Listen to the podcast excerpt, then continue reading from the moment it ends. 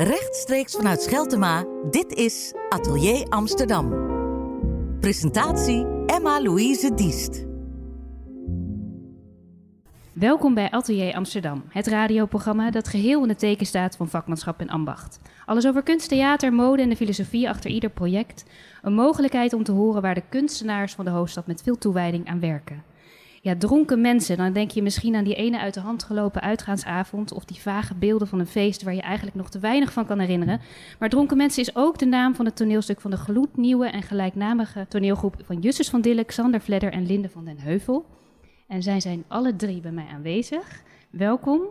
Maar als ik het zie, wel allemaal heel helder op dit moment, toch? Ja hoor. Ja, Ja. schijn, schijnbedriegt, maar eh, nee hoor, Ja. inderdaad. We zijn, nog niet, eh, we zijn nog niet aan de alcohol. Nee, maar tijdens het toneelstuk is iedereen zeker wel beschonken. Als in, dat, eh, dat gaan we meemaken. Ehm, ja, en dan hoop ik eigenlijk dat jullie dit idee ook hebben op- bekokstoofd gewoon aan de, aan de bar. Met een glaasje. Is dat ook zo?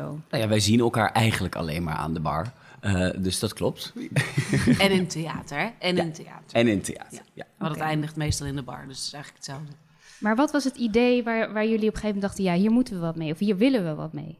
Nou, we hadden, we hadden altijd al de wens om een keer het heft in eigen hand te nemen. Om zelf een keer een voorstelling te maken. Omdat we kenden elkaar, naast dat we vrienden zijn, kennen we elkaar uit het werkveld. Hebben heel veel met elkaar gespeeld. En eh, we dachten, ja, het is ook wel fijn om een keer zelf het initiatief te nemen.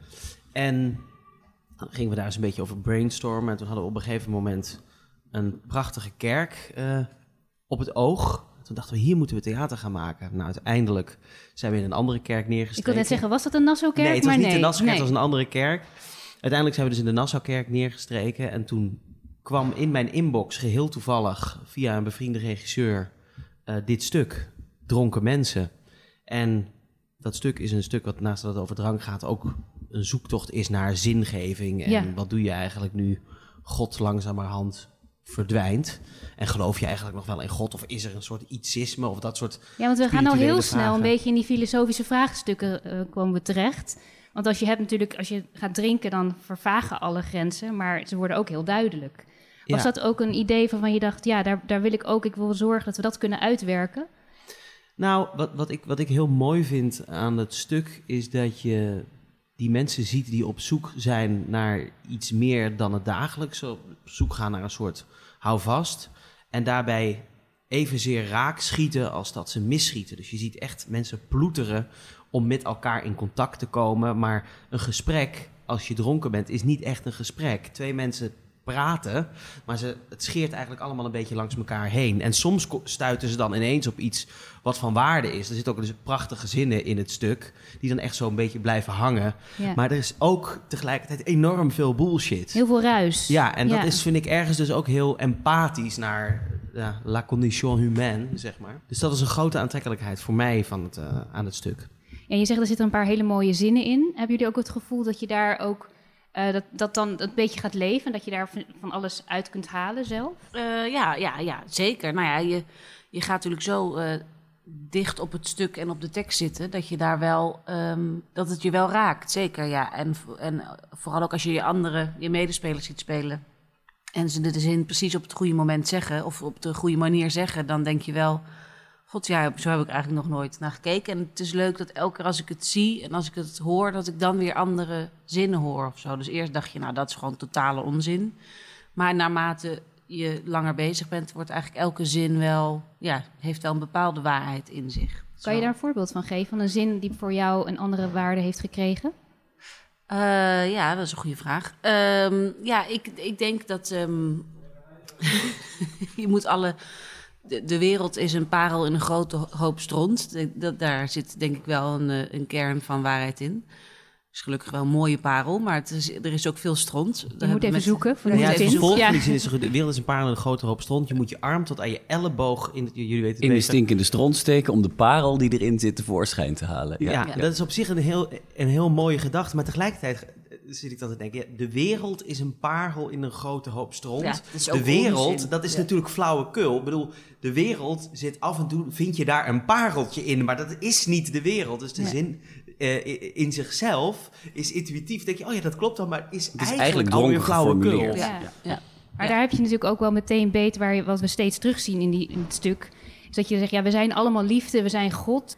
In je hoofd zijn van die vraagstukken waar je echt een beetje van vast kunt komen te zitten. Vooral als je dronken bent, denk ik. Ja, nou, het mooie is natuurlijk dat als je dronken bent, dat het cliché dat mensen dan de waarheid spreken, is natuurlijk ook wel erg vruchtbaar voor een toneelstuk. Dat iedereen eigenlijk constant zegt wat hij, wat hij op zijn hart heeft. Ja. Zeg maar wat je normaal nooit ziet en waar de spanning ontstaat, ontstaat hier de spanning nou juist doordat iedereen de hele tijd spuit wat hij voelt en denkt en waar hij bang voor is en waar hij op zoek naar is.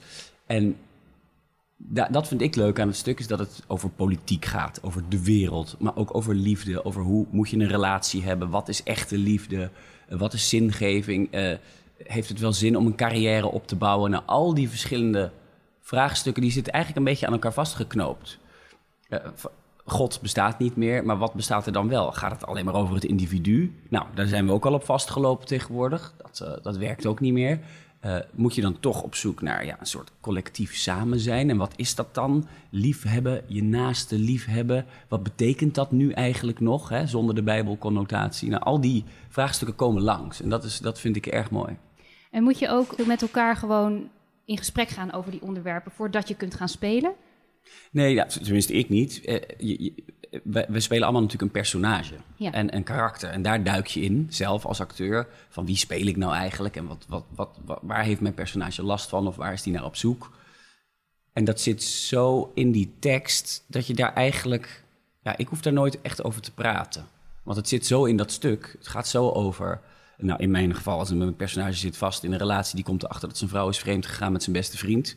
Nou, dat is nogal wat op een dronken avond. Maar ja, eh, het is natuurlijk geen psychologisch realistisch eh, drama... want het zijn totaal dronken bezopen mensen. Het is eerder een zwarte komedie... Ja. dan dat het een stuk is over eh, eh, mensen die een catharsis bereiken op het eind. Dus het, je hoeft dat niet zo psychologisch aan te vliegen. Nee, het komt ook omdat er geen, het stuk biedt geen oplossing. Het biedt niet per se een antwoord. Het enige wat je ziet is de zoektocht van die mensen naar die antwoorden. En dat is eigenlijk de, de- het interessante daaraan. Ja, Ja. en het hilarische. Want, want doordat je niet, zoals een Ibsen of een Tsjechov, toe hoeft naar een, naar een, een held die een bepaalde ontwikkeling meemaakt, of een anti-held, eh, ben je per scènetje eigenlijk aan het worstelen. En dat is ook precies het stuk. Je ziet elke scène weer opnieuw precies dezelfde poging en worsteling van die mensen om het leven te begrijpen of eh, om te gaan met hun eigen vragen. Voelt het ook een beetje als een worsteling om uiteindelijk die rol je eigen te maken? Of Nou ja, dat is, dat is natuurlijk zoals je elke repetitie ingaat. Sommige dingen gaan meteen goed en passen heel goed bij je. En sommige moet je, so- soms moet je echt zoeken naar waarom doet deze vrouw dit? Of waarom zegt ze dit? En dat kost soms een aantal weken. Maar daar heb je ook elkaar voor om elkaar daarin te sturen, denk ik. En Xander natuurlijk als regisseur die zegt, nou volgens mij bedoelt ze dat en dat. Maar het is wel grappig dat, omdat je sto- stom dronken moet spelen, dat je op een gegeven moment denkt... Dat je op een gegeven moment bijna moe wordt even van jezelf als dronken figuur. Dat je denkt, ja, ha, ha, ha, ha, ha, ze is dronken, ze is dronken. Maar je moet alles, je moet de hele tijd dronken blijven om tot die kern van het stuk te komen. Dus je kunt niet opeens op dinsdag eventjes het stuk, of eh, de scène nuchter spelen. Nee. Je moet gewoon in die, in die Dus dronkenschap je moet wel heel blijven. helder zijn eigenlijk om heel dronken te kunnen spelen. Zeker, ja, ja, ja, Ja. absoluut. Ja, Ja. ja. Ja, Het is ook niet zo dat we, dat we echt dronken natuurlijk op het toneel staan. Dan, dan Nee. komen we er Nou, niet. nee, dat betekent precies, niet dat ja. je van A tot Z met dubbele tong altijd moet praten. Alleen alle scènes in het stuk hadden allemaal niet plaatsgevonden als er niet drank in het spel was geweest. Ja. En als de mensen niet dronken zijn, slaan de scènes nergens op. Want dan wordt het serieus, te serieus. En dan denk je, hè? Dan, dan beginnen er, merkten we tijdens het repeteren ook, dan beginnen er dingen gewoon niet meer te kloppen. Dan kloppen dialogen niet meer. omdat Heb je dat wel geprobeerd? zijn. Om te Ja, kijken. Dan- we doen het even droog, laat ik het zo zeggen. Ja, en dan zat, zat ik ernaar te kijken en dan dacht ik, ja jongens, jullie zijn niet dronken genoeg. Want nu wordt het een realistisch, eh, te realistisch gesprek. En dat zou op die manier nooit zo plaats hebben. Ja. Ja, het lijkt wat- me ook best moeilijk, omdat je als je speelt, dat je het gevoel hebt dat je dus geen grenzen hebt. Je kunt je, waar, wat is dan je houvast als je zo dronken moet spelen? Nou, dat is, dat is het leuke aan dit stuk. Je kan eigenlijk dus heel veel verschillende kanten op. Je kan een kwaaie dronk krijgen, je kan eh, hysterische lachbuien krijgen, je kan opeens in huilen uitbarsten. Eh, dus dat is natuurlijk heel erg zoeken geweest voor ons in die eh, nou totaal acht weken. Van wa- waar, zit nou, waar gaat de scène nou precies over? Hè? Wat is het grootste probleem van elk personage? Wat gebeurt er nou? En wat is de beste manier om daar te komen? Want je kan wel de hele tijd schreeuwend eh, en, en huilend rondrennen, maar dat is niet zo vruchtbaar voor eh, de scène. Dus dat was het zoekwerk. Nou, Van en wat wa- wel leuk is aan dronken mensen is dat ze wel hun extreme. Je kunt van 0 naar 100 binnen een halve seconde, omdat je bij wijze van spreken acht wodka op hebt. En dat, en dat doen mensen met acht wodka niet. Zonder acht wodka doen ze dat niet. Dus het is wel zo dat je veel meer kan variëren in je emoties, juist omdat die mensen dronken zijn. Dus het, aan de ene kant zit het je soms in de weg dat je, dat, je, dat je die staat van zijn de hele tijd moet hebben. Maar het biedt ook echt mogelijkheden op je emotiepalet. Dat je daar heel erg in kan variëren eigenlijk. Ja, je kan veel extremer. Ja. Je kan gewoon van de ene naar de andere zin eh, eh, heftig schreeuwend en dan opeens weer heel intiem oprecht binnen, binnen één seconde. En dat zou je in een normaal toneelstuk, in een normale repetitie, zou je dat jezelf nooit permitteren. Dan, dan schreeuw je misschien één keer in een stuk van twee, twee drie uur en dan heb je één huilbuitje. Ja. Want anders is het te veel en te heftig. En hier kan je dat eigenlijk, nou, elke bladzijde opnieuw proberen. Nee, ik heb ook wel gehoord dat je goed kan schreeuwen. Wanneer heb je dat nou gehoord? Ja, dus dat, dat, ik- dat moet iedereen zelf maar ondervinden in de kerk, denk ik. Ja. Dan kan je geen kant meer op. Maar Xander, hoe is dat als je als regisseur... ehm, het lijkt bijna alsof je allemaal ongeleide projectielen hebt. We weten nu dat dat dus niet zo is. Maar hoe is dat re- als regisseur om, om dat te coördineren? Eh, dat is een, eh, een uitdaging. Maar kijk, wat, wat ik het allerbelangrijkste vond in die drank, is dat het compromisloos werd. Dus als je iets vol inzet, dan moet je het volledig, de, drank bij wijze van spreken, helemaal door je aderen laten vloeien. Om de situatie geloofwaardig te krijgen. Omdat als je er niet helemaal induikt in die drank, dan, eh, dan zat je naar bedachte dingetjes te kijken. Ik denk, dingen werden pas echt goed op het moment dat ze bijvoorbeeld duurden of zo. Langer, dat acteurs lange pauzes durven te laten vallen. En Dat daarin- ongemak moet een plek krijgen eigenlijk. ja, precies. En eh, daarin was het ook heel belangrijk om per scène te benoemen... ja jongens, blijf oprecht in wat die personages drijft... en blijf compromisloos in de drank. En op het moment dat die dingen in de gaten gehouden werden... dan ging het eigenlijk vanzelf goed. En sowieso merk je dat gaandeweg in dat stuk... naarmate het filosofischer wordt op het einde... dan, dan is die, die, die, die van, die, van, van de situatie, van de drank... dus de, de lollige dronk en het gelal... dat wordt dan veel minder naarmate we die filosofie meer ingaan. Dus op het moment eigenlijk dat je als kijker moe zou raken van eh, dronken slapstick of zo, dan raak je toch, raakt het stuk ook weer in een andere groef. Waardoor je er op weer een andere manier naar kunt kijken en het eh, heel genietbaar blijft. En wat was, wat was voor jullie handig? eh, wat voor aanwijzingen hielpen daarbij, Alexander? Want ik kan me zo voorstellen dat op een gegeven moment je ook heel erg vermoeid raakt. Ook. Want het is ook lichamelijk best wel een aanslag, denk ik, als je zo moet spelen. En wat helpt dan om je toch weer een beetje erbij te krijgen van... oh ja, dat is wat ik... Je- moet heel erg dicht bij je spel blijven, denk ik. Ja, maar het, is, het is, helpt ook wel als iemand zegt... je moet echt compromisloos zijn. Dus eh Xander gaf heel erg het vertrouwen om je onzekerheid en je... ehm, hoe heet dat? Ehm, dat je je inhoudt. Dat, je dat, dat, we, dat, dat konden we door Xander wel snel loslaten of zo. Ook omdat we elkaar natuurlijk goed kennen. En alle acteurs die meedoen kennen elkaar ook heel erg goed. Dus daardoor had je, hadden we wel een soort vertrouwensband... die wel makkelijk... ehm, waardoor je dat makkelijk durfde. Maar ehm, ja, we, we kennen elkaar allemaal heel goed. Dus als hij zegt, eh, ja, doe rood, dan weten wij welk, wat hij dan precies bedoelt. Dus, eh, Ja, er gaat geloof ik in dit stuk iets heel erg tegen je acteursnatuur in. Namelijk, als acteur wil je een scène deliveren en het publiek entertainen. eh, eh, om het maar even een beetje plat te Ja. zeggen. Alleen het idee van mensen die dronken zijn, die zijn zo in die zin op zichzelf gericht... dat ze niet bezig zijn met het behagen van iemand anders. En die dat moesten de acteurs heel erg incorporeren om het goed te laten worden. Dat ze niet zeggen, oké, dan nu snel dit scènetje er doorheen en dan zijn we Dus je bent doorheen. echt helemaal acteur af bijna. Dat moet je gewoon nou ja, ik weet niet eigenlijk... of je acteur af bent, Nee, maar je maar moet ja, durven, durven, om daarin ja. te duiken. Ja, en helpt dan ook de, de setting mee? Want jullie eh, zijn ook een toneelgroep en willen graag toneel maken in een bepaalde, eh, op een bepaalde locatie. Dat is belangrijk. En in deze keer is het dan dus een kerk. Hele mooie kerk overigens. Maar helpt dat mee? Ja, omdat je normaal als je in het theater zit, ben je je, ben je je toch echt veel meer bewust van dat alles nep is. En als je op een echte locatie speelt, dan kun je ook spelen met het feit dat het misschien wel eens echt zou kunnen zijn. Dus je kunt een beetje flirten met wat is nou waar en wat is niet waar. Iedereen weet natuurlijk dat wij dat gerepeteerd hebben. Maar het geeft toch iets echters om samen in een echte kerk te zitten, terwijl we echt die, dat interieur gebruiken. En je die, die galm hoort van die kerk. Dat is echt een andere beleving dan een, eh, een zwarte doos, zeg maar. En merk je dat als mensen de kerk binnenkomen, dat ze ook een beetje veranderen? Want een kerk heeft natuurlijk zelf ook al een bepaalde waarde voor mensen. Ja, nou gelukkig hebben wij daar een café gebouwd. Dus het, het, het, het heeft geen heilige, zware, eh, al, donkere ja. eh, vibe. Het, het is juist dat die combinatie Maar er van... mag dus echt gedronken worden ja, ook. ja, tijdens Ja. het stuk wordt er ook gedronken. En eh, dat maakt dat mensen gelijk denken, oh wat leuk en oh wat fijn. Die combi is eigenlijk al vreemd. Dat je aan het zuipen bent in een kerk Ja. waar theater is. Dus, dus we proberen wel die locatie zo te bevreemden dat het weer in ons voordeel werkt. Ja. Nou, uiteindelijk heeft het eigenlijk ook een beetje krijg je een beetje het idee dat de drank dus helemaal er niet toe doet. Dat we eigenlijk kijken dus naar grote vragen. Ehm, merk je ook dat het, want jullie hebben eigenlijk nog, nog niet zo heel vaak gespeeld, dus misschien is die vraag te vroeg, maar merk je dat dat ook overkomt op het publiek? Dat mensen die vragen ook meenemen?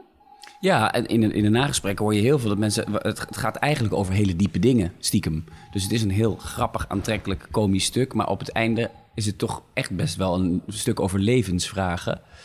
En ik heb ook veel gehoord van mensen die zeggen... wat goed dat jullie niet live drinken. Of niet doen alsof jullie drinken. Dus dat er echt geen fles wijn, geen, geen, geen glas alcohol of whisky hebben wij in ons hand. Dus het hele stuk spelen wij zonder drank. En laten ook niet zien dat we drinken. Omdat het natuurlijk ook een trucje is. Dus we willen ook dat mensen zien dat we spelen dronken... terwijl we het eigenlijk over andere vragen willen hebben. Ja. En die vragen nemen ze zeker mee. Ook het, de geloofsgemeenschap van die kerk is komen kijken op een try-out. En die, eh, die zeiden, wat geweldig dat, dat dit eigenlijk een soort nieuwe mis is. Dat theater eigenlijk dezelfde soort vragen stelt als een dienst op zondag. Alleen dan in een theatraal jasje. Ja. Ja, dus gebeurt eigenlijk, eigenlijk gaat het, het spel komt heel, heel vooraan te staan. Dat is heel belangrijk. Je, hebt ook niet heel veel attributen heb je gebruikt, bijvoorbeeld. Eigenlijk vrijwel niks. Nee, wel wat mooie kledingstukken, moet ik zeggen. Ehm, wat is dan wel belangrijk? Wat wilde je wel gebruiken en wat wilde je juist echt niet gebruiken? Nou ja, zoals je zegt, er is uiteindelijk heel veel niet gebruikt. Eh, het enige wat je had, of wat we hebben, is het altaar, een aantal stoelen waar ook publiek op zit. En een omgevallen kerkbank. Dat is ongeveer het enige. En daardoor kom, heb ik toch wel geprobeerd om het stuk te reduceren tot die ploeterende figuren die je ziet drinken om zich een weg door het leven te banen. En hoop ik dat je heel erg bij, de, bij die mensen terechtkomt. Ik vond ook, soms zie je, zag ik wel eens een, een trailer op internet waar het heel extravagant is uitgedost. En dat ziet er dan heel mooi uit. En dat vind ik dan ook, dat, het is een heel grote aantrekkelijkheid. Maar ik wilde juist laten zien dat dit gaat over gewoon hele normale mensen die het op een zuipen hebben gezet. En dat je als publiek alleen maar naar die mensen gaat kijken. Dat, dat is alles wat er dan is. Ja. En dan, dan krijgt de soberte voor mij een hele grote kracht, een hele grote aantrekkelijkheid. Ja, dus als je die grenzen even Soberte weghaalt... ja, goed, goed ja. eh, ironisch Dan wordt het heel maar- helder ineens eh, wat dat teweeg Ja. brengt. Eh, maar jullie zijn ook een toneelgroep, dus jullie willen meer dingen maken, meer stukken maken, ook op locatie. Hebben jullie daar al enig idee over? We zijn nu ontzettend op zoek naar ons volgende stuk. Wij vinden het heel aantrekkelijk dat we met meer acteurs op het podium staan. Eh, dat is natuurlijk ontzettend duur. Maar het heeft ontzettende aantrekkelijkheid om met zes, zeven, acht acteurs eh, te spelen. Dat is echt een, een, een feest, ook voor het publiek. Dus we hopen Ja, dat op dit moment dat... nog een beetje weinig publiek, dus dan is het fijn als er wat meer acteurs zijn. Ja, ja. Ja. Ja. Nee, dus we zijn ontzettend op zoek en we willen altijd eh, dus repertoire toneel maken op bijzondere locaties. Dus juist om, die, eh, om het theater uit zijn plusje gevoel en sfeer te trekken, willen we het eigenlijk veel rauwer en laagdrempeliger maken zonder in te boeten aan ambacht of inhoud. Ja, we zijn echt goed op zoek. Maar het was ook wel natuurlijk een proces van een aantal maanden. Waar wat verschillende keren is uitgesteld en eh, is veranderd. Wat eh, ons ook wel veel energie heeft gekost in dit eh, geslaagd krijgen. Maar eh, we zijn wel op zoek, ja, enorm. En, ehm, Ja, en we hopen natuurlijk dat corona een keer eh, overgaat. Eh, want ja, als je nu een stuk plant voor het komende voorjaar, dan weet je natuurlijk ook nog steeds eigenlijk niet of dat echt wel door kan gaan. Ja. Je zegt er is wel van alles veranderd door de situatie. Zijn er ook dingen in, in het voordeel veranderd? Nou, het, het fijne is wel dat eh, eh, bijvoorbeeld de, Nassaukerk... dat we echt een stuk blijer zijn met die kerk dan met de andere kerk. Omdat het, het is zo'n mooie plek en, en er kan eigenlijk zoveel. En de mensen die, eh, die met ons samenwerken, die bij de kerk werken... die, die, die zijn ook zo aardig en, en, en vriendelijk en open en sociaal. Dus daar, daar kunnen we eigenlijk veel meer mee. En het grappige is dat nu we terug moesten naar 30 is het lastig omdat het dan eigenlijk is het uitverkocht en iedereen die nog wil komen kijken, dat, dat kan dan bijna niet. Maar het is daardoor wel een heel gezellig, intiem avondje geworden. Ja, dat... dat- hoor je wel veel terug van mensen. Dat mensen echt zeggen, zo, dit heb ik ook lang niet meer meegemaakt. Dat je en een biertje drinkt en naar theater kijkt. En dat het, zonder dat je, want alles is gewoon zo veilig op anderhalve meter. Dus mensen hoeven zich ook niet angstig te voelen voor dat het niet goed gaat. Of weet je wel, dat dronken mensen denk je toch misschien, nou, die, die nemen het allemaal niet zo nauw. Maar mensen voelen zich heel relaxed. En tegelijkertijd vinden ze het echt heel gezellig om er te zijn. Dus dat, ja, gek genoeg is dat dan toch weer een voordeel dat je opeens maar 30 mensen in de zaal hebt zitten. Ja, en het, dan het grote voordeel wat wij hebben kunnen creëren ten opzichte van een theater of een, of een schouwburg, is dat je, als je bij ons in de voorstelling zit, je hebt op geen enkele manier het idee, god, wat zijn hier een hoop mensen niet. En dat is natuurlijk met al die lege stoelen in een schouwburg, voel je dat wel. Maar bij ons, ja, de, de tafeltjes staan anderhalve meter uit elkaar, maar die, gewoon, die hele piste van die kerk, zeg maar, die staat helemaal vol. Die is gewoon, je speelt eigenlijk met het verwachtingspatroon van iemand. Want je hebt geen verwachting van theater in een kerk. nee. Dus dat kun je zelf invulling geven Ja, natuurlijk. precies. Maar werkte dan die verwachting die er eigenlijk kleeft aan het theater... werk- werkte jou dat dan eigenlijk tegen? Bijvoorbeeld in de Schouwburg bedoel Ja? je?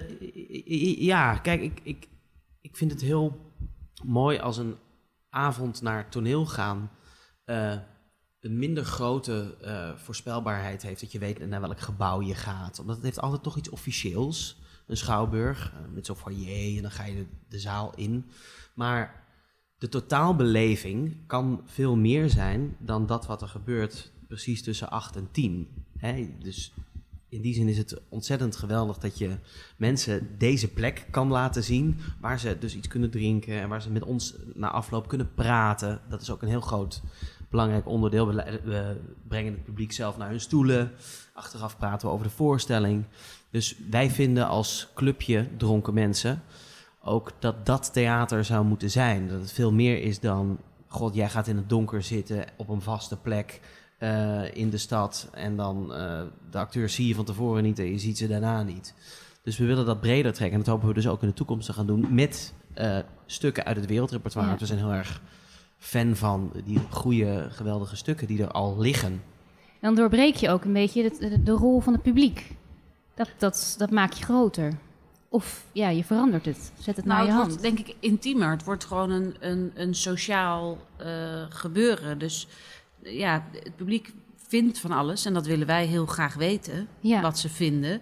En wij maken heel graag en wij hopen dat het publiek, doordat ze ook met ons praten, ook ja, meer ervan begrijpen of denken, god, ik ga de volgende keer weer. Of eh, dat ze zich minder inderdaad in het donker in, anoniem voelen of, of niet gehoord. Klinkt heel dramatisch. Maar goed, wel dat het, dat het meer een een één-op-één contact is in plaats van dat je alleen maar naar acteurs kijkt en dat, eh, en dat je ze verder eigenlijk niet meer ziet. Ik denk dat dit voor iedereen een laagdrempeliger, laag, laagdrempeligere manier is om naar het theater te gaan. En neem je dan ook wat mee aan wat je dan uit de zaal hoort uiteindelijk? Of zaal, ik moet nu geen zaal meer zeggen, maar wat je van het publiek krijgt? Als, als Nou, bij de try-out zeker. Omdat je daarvoor doe je natuurlijk try-outs. Om te kijken hoe, hoe, wat mensen ervan vinden. En, en, en zij hebben ook goede ideeën. Meestal na een première blijf je redelijk de voorstelling spelen zoals die, zoals die is.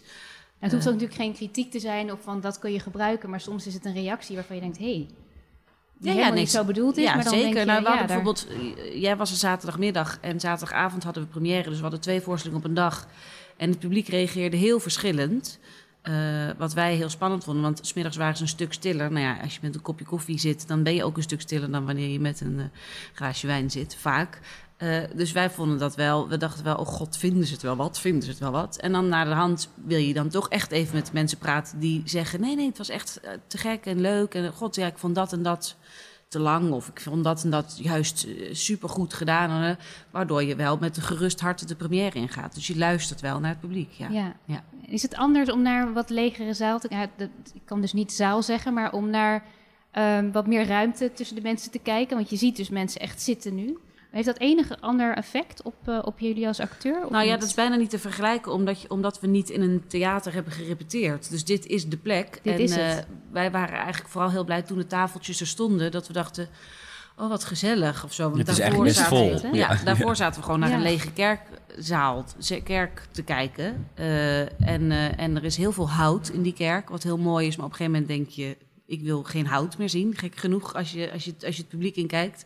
Dus als je dan opeens 30 tafeltjes hebt staan met mensen, dan denk je juist wel, oh wat gezellig en wat sfeervol. Ja. ik ben heel blij dat we niet in een eh, coronazaal staan met eh, lege gaten. Ja. Dat, eh, En wat ik ook zelf fantastisch vind, is dat er dus mensen dat echt wel veel hard op gelachen wordt. En dat is, dat is best wel een prestatie als mensen zo ver uit elkaar zitten. Omdat als je in een soort anonimiteit van een volle zaal zit, dan, dan gaan lachen veel makkelijker rollen. Ik dacht echt, mensen durven niet eh, hun stem te laten horen, omdat ze met relatief weinig dan in die zaal zitten. Maar dat valt gelukkig ook heel erg mee.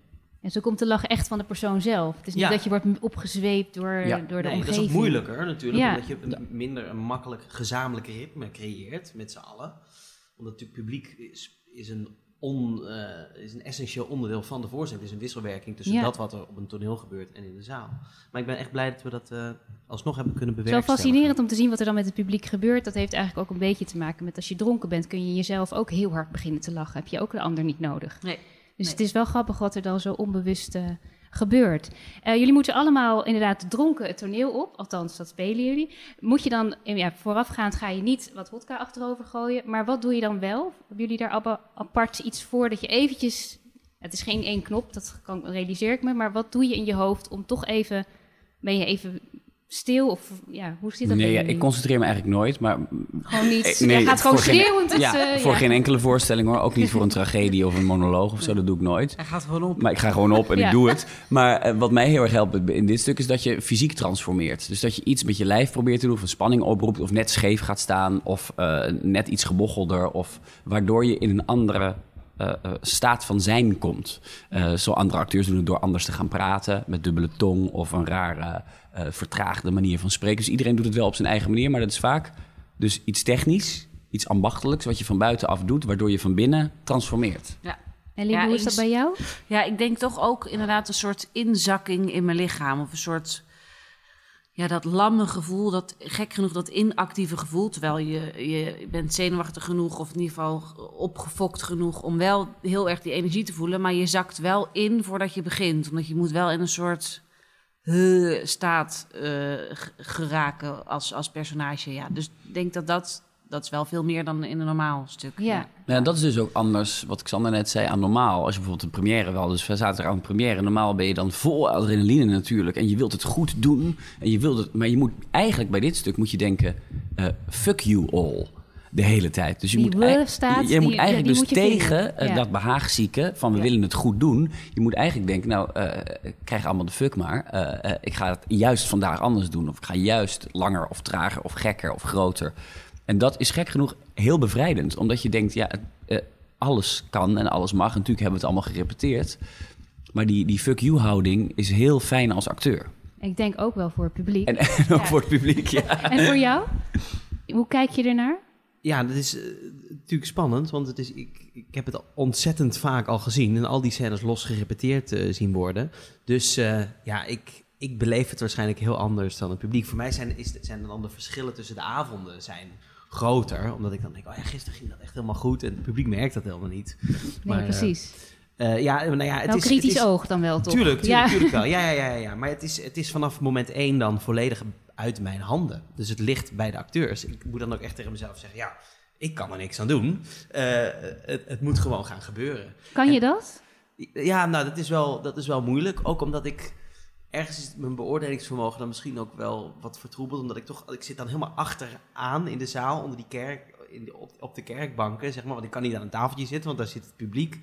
Dus dan zit ik ook toch stiekem te, zo te kijken van, eh, hoe zit die te kijken en hoe zit die te kijken. Shit, daar kraakt weer een stoel, weet je wel, dat soort dingen. Dus dat zijn wel, eh, dat is best moeilijk. Misschien Maar, is dan eh, een borreltje helemaal niet zo'n slecht idee. Oh nee, maar ik heb ook al regelmatig met een biertje gewoon lekker zitten kijken. Ja. Zeker. Het is sowieso heel leuk dat als je aan het spelen bent en je hoort de lach van Xander, dan denk je, hey, Hey, dit, dit, is, een- dit, dit is een was goeie. goed. Heb je dat veel gehoord? heb ik af en toe wel gehoord. Ja, ja zeker. Ja, ja. Nou ja, en wat heel fijn is, omdat Xander natuurlijk eigenlijk zelf ook acteur is... en dit zijn eerste officiële regie is... heeft hij het natuurlijk als acteursregisseur geregisseerd. En dat is ook wat wij willen maken, echt acteurstoneel. Eh, maar dat zorgt ervoor dat zelfs in zo'n bezopen stuk... wij precies weten bij welk zinnetje we wat moeten doen... om die scène goed te krijgen. Dus wij, we zijn echt tot in den treuren, in detail op spel geregisseerd. Dus wij weten Hij heel goed... met jullie mee eigenlijk. Ja, nee, maar hij weet natuurlijk precies welke, welke wending we gaan maken. En wij weten dat ook. Het is niet zo van, nou, eh, doe maar een beetje dit en als je op bladzijde 4 maar kwaad wordt. Nee, we weten echt per zin precies wat de toon moet zijn eh, en wat de dosering van de dronkenschap Ja. is. Nou, wij weten niet wat voor wendingen jullie gaan maken. En dat is ook het mooie onvoorspelbare van eh, deze voorstelling. Ik zou iedereen aanraden de kerk op te zoeken deze keer. en het, eh, ja, het, dronkenschap mee te gaan maken. Is ja, we spelen nog als, als corona ons dat toelaat tot en met 24 oktober Ja. in de Nassaukerk. Maar dit is je regiedebuut, maar er komen er nog een hele hoop, denk ik. Dat hoop ik wel, Ja. ja. Geen debuten meer, maar wel andere regies. Ja, precies. hey, dankjewel voor dit gesprek en heel veel plezier. Dankjewel. Dank je. Dank je.